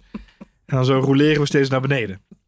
Een soort speeddaten met engineers. Formule 1 met hindernissen. Ja, nou dat lijkt me een goede oplossing. Nee, eh Fernando Alonso dit weekend briljant. Eh, z- zijn eh, teamgenoot Ocon wat minder in zijn thuis Grand Prix. Sowieso. Moeilijk weekend voor de Fransen, dan wel de Frans sprekende. Eh, Gasly had natuurlijk ook geen lekker weekend. Eh, Ocon wordt uiteindelijk natuurlijk wel nog gewoon keurig achtste, omdat hij eh, Ricciardo kan verschalken. Maar het is eh, voor Alpine was het een, een eh, vooral een, een, een Alonso weekend van mijn gevoel. Nou, Ocon eh finish natuurlijk ook eh, achtste. Dus eh, in wat jij zegt, het is voor Alpine sowieso een goed weekend. Want ze Alpine zijn, liet zich zien. Alpine liet zich zien. Ze zijn McLaren voorbij. Oh ja, Ja, Hebben ze- zeker. ja, in de ze constructeurs. ja. Ja. Ze staan nu vierde. kijk. Dus het gaat alleszins goed met Alpine. Met McLaren helaas wat minder. Al pakken zij wel weer een Double dubbele puntenfinish. Dus ze zullen toch wel blij zijn. Zeker ook Ricciardo. Want het is veel beter dan een eh 13e, 14e, 15e plek. Nou ja, en het gat met Lando Norris wordt steeds kleiner voor mijn gevoel. Ah, hangt een beetje van de baan af. Hij laat zich wel weer pakken door Ocon op het laatst. Ja. Heeft natuurlijk ook wat je zegt met die banden te maken. Maar is wel eh, zonde. Maar ja, goed, de als race- de auto niet sneller is, in de race zaten ze dicht bij elkaar, Norris en Ricciardo. In de kwalificatie leek het gat heel groot in eerste instantie. Omdat ze natuurlijk eh, eh, Q2, Q, Q3 werden uitgeschakeld individueel van elkaar. Uiteindelijk blijkt het dan maar in de, met alle mensen die eruit gegooid worden vanwege de penalties. Blijkt dat verschil dan maar twee, drie plekken zijn en een tiende in tijd. Dus dan is het niet zo heel schrikbaar. In de race staan ze eigenlijk grotendeels in elkaars DRS. Dus uh, uh, ja, best wel een goed, goed weekend voor, uh, voor Ricciardo. Ik, ja, ik hoop dat hij het kan meenemen naar Hongarije. Dat zou voor McLaren wel nodig zijn. Zeker als ze nu gepakt zijn door Alpine en constructeurs. Hij is nog niet klaar met Formule 1, heeft hij in alle interviews gezegd. Nee, dat dus... klopt. Wie ook niet klaar was met de Formule 1 dit weekend, was Sebastian Vettel. Die was zeker niet klaar met de Formule 1. Ik pak nog even op die finishlijn. Ja, maar daar kreeg hij ook wel een kleine breaktest van, uh, van zijn teamgenoot uh, Lance Stroll. Oh ja? Ja. Ik heb de onboarding weer teruggekeken. Was dat zo, ja? Hij was verrast door het vroege remmen van Lance Stroll in die bocht. Oh man. Want hij ging eigenlijk met... Uh, hij werd daar heel goed geblokt. Ja. Al, eigenlijk al de bochten daarvoor. want hij zat er echt nog goed bij om een move te maken. En, en die tiende plek af te pakken. Oh. En ik was toch benieuwd, ja, wat dat... Nou, ik dacht echt, ze klapt op elkaar. Ik denk, dit is een uh, ja, het Aston leek, Martin het leek, het leek op een toucheetje. Ja. Maar goed, uh, ja, ik ben benieuwd of daar nog over is nagesproken. En uh, Max Verstappen onderstrepen. Vettel schuwt de versnellingsbak niet als het nodig is. Silverstone een paar jaar geleden. Ik ben toch benieuwd. Het begin van het seizoen gingen veel stemmen op dat dit Sepp Vettels laatste Formule 1 zou, zou zijn. Dat we na dit seizoen af, afscheid nemen. Maar inmiddels lijkt hij zelf in interviews toch wel weer te hinten dat hij graag door wil. En ook al in gesprek is met Aston Martin. Ja. Dan is dit misschien niet het meest slimme om te doen. Om de zoon van de baas, uh, of in elk geval de geldschieter, uh, bijna aan te rijden. Het is, wel, is wel gewoon een statement, ik ben niet bang voor je. Ja. Nee, maar het zal wel moeten gebeuren, hè, die contractverlenging. Als hij er nog iets mee wil. Ja, maar ik denk niet dat het aan, aan hem ligt. Ik denk dat het echt ligt aan... Uh, ik denk dat, dat Aston Martin moet laten zien dat ze Sebastian Vettel waardig zijn. En dat klinkt heel stom. Als je kijkt naar wij hebben het vaak over Sebastian Vettel, ook in deze podcast. En dan zeggen we, oh, dat is toch teleurstellend. En wat valt het toch tegen? En wat heeft hij het zwaar? En nou, je, je, moet niet wegstrepen dat Sebastian Vettel met kennis, ervaring en vier wereldtitels op zak... natuurlijk gewoon nog steeds wel een, een, een prized jewel is. Hè? Een gewild uh, coureur op de grid. Uh, en ik denk dat je hem graag bij je team wil hebben. Aston Martin heeft ook vaak al in de pers gezegd... het is aan ons om de juiste auto aan Sebastian te bieden voor volgend jaar. Dus ja, ik vind dat wel een opvallende mediastrategie zou je kunnen zeggen. Maar ik denk oprecht dat Aston Martin vindt dat zij een betere auto moeten leveren. En dat Sebastian Vettel dan zal zeggen, nou ja, hè, kans op afbreukrisico is een stukje kleiner. Dan doe ik het nog een jaartje. Uh, maar als hij nog een keer in deze auto moet volgend jaar, dan gaat hij niet door. Nee, daar ben ik wel met je eens. Ik moet wel zeggen dat uh, ik vind het wel erg leuk om naar het middenveld en met name ook het achterveld te kijken. Er gebeurt veel dit seizoen. Ja. Natuurlijk seizoenenlang echt naar Latifi, Russell en de twee hazen zitten kijken die gewoon ergens in niemands rondjes reden, ja, rondjes reden in niemands land. Het laatst al gezegd, Mick Schumacher merk je wordt echt beter uh, door het feit dat hij nu in gevecht kan met andere auto's. Dat zie, ik vind dat, dat zien we ook aan de andere coureurs. Uh, Lewis Hamilton, die was helemaal niet meer gewend om daar in, uh, tussen de andere auto's te rijden. Dus het is wel een skill waar je in heel veel opzichten uh, beter van wordt. Dan kun je zeggen, Seb Vettel en Fernando Alonso hebben die skill niet meer nodig, want die hebben ze vast wel verdiend. Um, maar voor een aantal coureurs is denk ik toch wel goed dat ze rijden waar ze nu rijden. Want Eens? het is een, een kwalitatief goed achterveld. Uh, en er, er, gebeurt ook een nodige. Het, zou, het is volgens mij niet vervelend om Formule 1 te rijden dit seizoen als je in een wat mindere auto zit. Behalve dan als je ja, heel graag mee wil doen om, om plek 4, 5, 6. Ja, eens. Dat wat de McLaren's natuurlijk willen. Ja. Wat Aston Martins natuurlijk ook willen. Ja. Uh, kijk, bij Haas zitten ze er heel anders in. Die zijn al blij als ze punten pakken. Dat zat er helaas uh, deze keer Ja, en bij. Haas zijn ze alweer volledig bezig met, met de auto voor volgend jaar. En, uh, en dat ging natuurlijk over. Koen Steiner was te gast deze week uh, op de, in, in, via de pitradio bij Sky Sports. En gaf daar ook tijdens de kwalificatie aan van joh, de hele discussie rondom die, plank, hè, de aanpassing aan de plank die we willen doorvoeren. Daar is nog steeds heel veel gesteggel over. En dat heeft met name te maken met het feit, dat gaf hij ook heel keer aan. Wij zijn al bezig met de auto van 2023, zijn we een paar maanden geleden al mee begonnen. Als nu ineens die regels andersom gaan, dan verliezen we maanden aan werk wat we al ingestoken hebben. Is niet zomaar eventjes dat je zegt van we passen even een regeltje aan en gaan we die banaan. Dus uh, dit is best wel... Terecht, uh, terecht punt. Ja, ja, heel goed punt. En, en ja, op zijn Gunther is keurig uitgelegd. Geen overtogen woord, je kent Gunther. Uh, maar het is, het is heel veel teams zijn ook al bezig met de blik naar voren inderdaad. Voor teams als McLaren en Aston Martin is het heel erg moeilijk. Omdat ze die stap willen maken.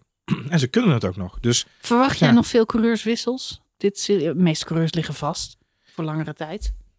Nee, ja, ik, ik, ik, ik, verwacht bij Williams nog wel uh, uh, een, een, kleine shake-up misschien. Uh, omdat ik denk dat we toch iets moeten met Oscar Piastri, bij, die mm -hmm. bij Alpine natuurlijk mm -hmm. nu zit. En dat is wel echt een enorm talent.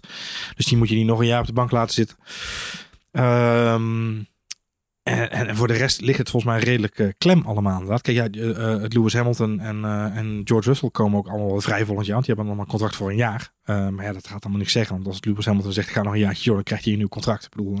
Ik denk wel dat Lewis Hamilton nog een jaartje doorgaat. Er zijn veel mensen die zeggen hij gaat stoppen, maar hij gaat zeker niet stoppen. Nee. Want hij gaat niet weg als het zo slecht is. Ik, ik, nee, maar nogmaals, dat is één. En ik denk hij wil nog een keer. Ik denk echt, als ik Lewis Hamilton zie rijden nu en hij haalt het maximale uit die machine. En ik denk echt dat hij die achterwereldtitel nog een keer wil pakken.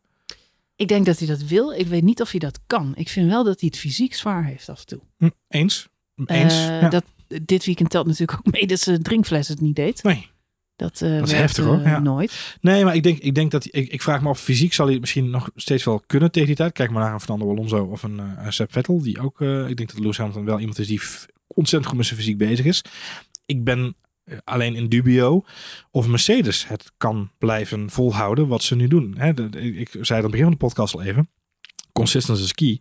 Ze rijden echt al jaren met auto's die maximaal één of twee uitvalbeurten per jaar hebben op basis van een motorfailure. Dat is echt insane, laag aantal. En daar winnen ze gewoon hele kampioenschappen op, feitelijk. Um, de vraag is, hoe lang kun je dat volhouden? Want dat is echt een heel hoog niveau. Dat vergt heel veel energie, kwaliteit, tijd, maar ook geld. Mm -hmm. uh, en de vraag is uiteindelijk, kun je dat blijven opbrengen? En ja, zolang Mercedes dat kan, is het goed. Uh, en ja, dan, dan, moeten ze wel ook, zoals nu ook dit jaar, de juiste stappen blijven maken in, uh, in de vooruitgang. Um, maar ik denk, als coureur zijnde kan hij makkelijk nog die achterwereldtitel een keer winnen. Uh, ik denk dat Max Verstappen en Charles Leclerc echt op de top van de kunnen moeten blijven presteren om Lewis Hamilton van zich af te houden.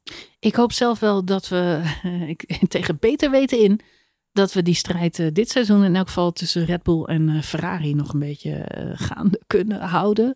Ik ben zelf nog steeds niet zo gecharmeerd van het venijn wat er bij Mercedes toch wel vaak in lijkt te zitten jegens Red Bull. waarbij ja, ik andersom ook, ja. Nou ja, waarbij ik zelf nu meer, en Max zei het toevallig laatst ook nog in een interview, er is meer begrip over en weer tussen Ferrari en Red Bull, omdat ze meer op dezelfde manier handelen. Wat denk ik een groot compliment is voor team, uh, team Ferrari. Maar ik begrijp wel wat hij daarmee bedoelt. Niet eens zozeer de manier waarop ze een race aanpakken, maar wel bijvoorbeeld in de media en hoe ze PR-matig nu naar buiten toe treden en uh, ook vriendschappelijk met elkaar omgaan of hè, in de wandelgangen. Um, ik moet altijd denken bij, bij, bij, bij uh, Mercedes in de pitbox hing vroeger een dartbordje met uh, het Ferrari-logo daarop. Ja.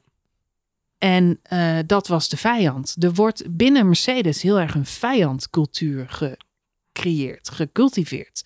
En dat, dat kan denk ik helpen om Hè, om te weten tegen ja. wie je strijdt. Ja, ja. En dat is onze gemeenschappelijke vijand. En daar zijn we tegen. En daar moeten we. Hè, dat is in heel veel sport uh, natuurlijk gebruikelijk. Dat je een aardsvijand hebt en daartegen strijdt. Ik weet alleen niet of dat uh, naar de buitenwereld altijd even sympathiek uh, overkomt. Nee. En ja. of dat je drijfveer moet zijn. Ik ben zelf meer van het credo geloof in je eigen kracht. En, en dat is volgens mij ook wat, wat, wat ze bij Red Bull nastreven. Ik denk, ik denk wat, Als wij eh, goed zijn, dan winnen wij. Ik denk wat heel grappig is wat Max zei in dat interview. En dat eh, hij verwoordde het volgens mij als eh, we, hebben, we delen dezelfde visie op de, op de racesport, op de, eh, op, de, op de sport. Mhm. En ik denk dat dat een heel groot verschil is. Dat, ehm, eh, ik denk inderdaad dat Ferrari, het merk Ferrari en ook het merk Red Bull, hoe ze hun, hun renstal inrichten. En hoe ze met de motorsport en met de regelgeving en hoe de sport zou moeten worden en waar de sport heen moet. Ik denk dat ze daarin inderdaad in één lijn zitten met elkaar. Nog even los van hoe ze het dan organisatorisch inrichten. Ik denk wel dat ze een gedeelde visie hebben samen die bij elkaar aansluit. We zien Horner en Binotto ook veel met elkaar overleggen over dingen. Ehm, maar ik denk dat, ja, weet je, Ferrari heeft een bepaalde visie gehad, altijd al bij de, bij de Formule 1. Ik denk dat Red Bull dat ook heeft op zijn eigen manier. Uh, uh, hoe die sport zou moeten functioneren, hoe die zou moeten werken. Het zijn ook altijd twee teams geweest die veel uh, uh, discussies hebben gehad met stewards en andere uh, zaken. Mercedes is altijd een beetje in de luwte naar voren toe gekomen. Creëert een gezamenlijke vijand inderdaad. Ze benaderen de sport gewoon op een andere manier. ja. Nou, het zit hem ook in dat de, de letter van de wet. Ik vind nu bijvoorbeeld dat George Russell echt wel voor onze ogen verandert sinds hij in een Mercedes zit. En dat bedoel ik niet als coureur, want hij is nog steeds gewoon consistent. En dat was hij bij Williams natuurlijk ook. Bijna op het saaie af rijdt hij gewoon zijn, uh, zijn degelijke races. Maar zo'n zo'n verhaal nu, deze race met zo'n regel. Zo van, ik had gelijk, want de regel zegt dat. Ik vind dat totaal wolfgedrag. Ik vind dat no Mikey no. Ik vind het, het ga gewoon racen jongen. Ga gewoon racen. Haal hem in. Maar ja, het zit- De gemiep om zo'n regel. En als je op technicalities deze sport wil winnen, dan ben je de sport aan het verzieken. En ik hoop niet dat Mercedes nog verder die kant op gaat. En dat ze straks twee van die vervelende jankcoureurs hebben die op elke slag zout leggen. Want het is killing voor de sport. En als ze dat gaan doen, dan hoop ik niet dat ze meestrijden om het kampioenschap. Ja, fair point. Ik denk dat... eh, Dan heb ik liever dat het tussen de Ferrari en Red Bull gaat. En ja, dat is heel makkelijk gezegd. Eh, als ik nu kijk naar hoe het bij Ferrari gaat, want dat is natuurlijk een concurrent die je er makkelijk bij kunt hebben, eh, zijn de rollen omgedraaid en zijn zij op de toppen van hun kunnen en worden de fouten bij Red Bull gemaakt, ja, dan is het natuurlijk pijnlijk. Maar hoorde- goed, heb ik nog altijd liever fair en square verliezen. Ik hoorde voor de plezierfactor gooi ik wel een McLaren in hoor. Ik zou wel graag zien dat Oh, Lando nou, ik zou sowieso heel graag. En, en vergeet de Alpines niet. komt.